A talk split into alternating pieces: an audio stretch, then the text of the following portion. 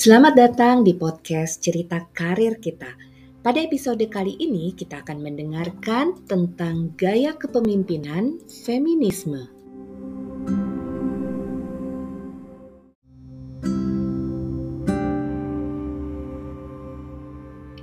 Lebih dulu saya akan mengajak teman-teman untuk mengerti makna dari kata feminisme.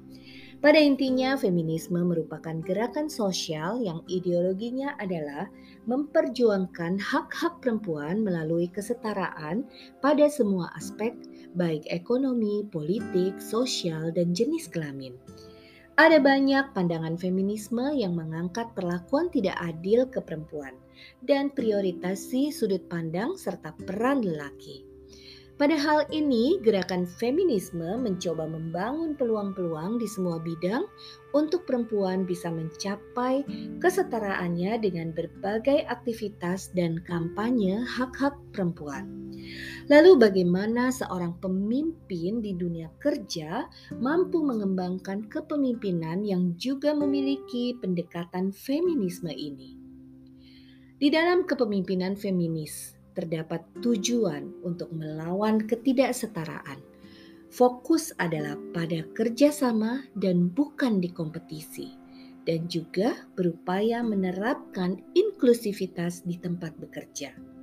Kolaborasi dan fleksibilitas, dan juga menggunakan empati akan masuk di dalam gaya kepemimpinan feminisme ini.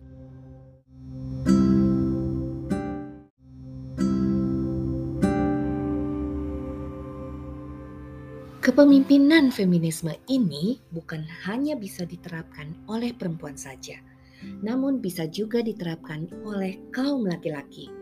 Karakter pemimpin laki-laki juga ada yang memiliki nilai dan karakter feminis. Untuk menerapkan kepemimpinan feminisme ini diperlukan sebuah proses dan akan sulit jika dilakukan secara instan.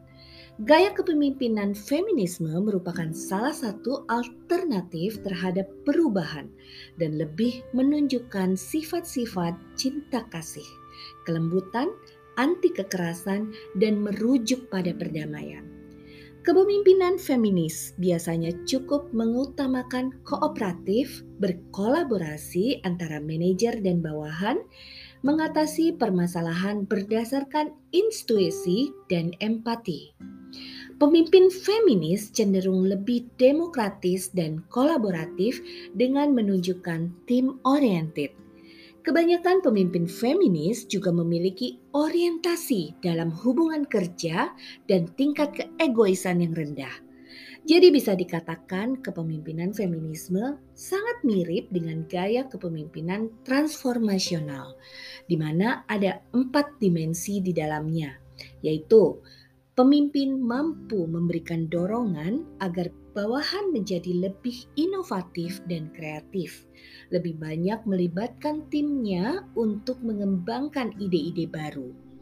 Yang kedua, pemimpin berupaya menciptakan lingkungan yang aman bagi timnya, sehingga tercipta jaringan komunikasi yang terbuka antara pemimpin dan bawahan. Selanjutnya, pemimpin juga memiliki visi masa depan dengan kepercayaan diri, optimisme, dan dapat memberikan semangat. Dan yang terakhir, pemimpin cenderung menjadi panutan untuk bawahannya. Pemimpin tipe ini mampu memberikan penghargaan atas prestasi yang dicapai bawahannya. Demikianlah sekilas tentang mengenal dekat bagaimana gaya kepemimpinan feminisme.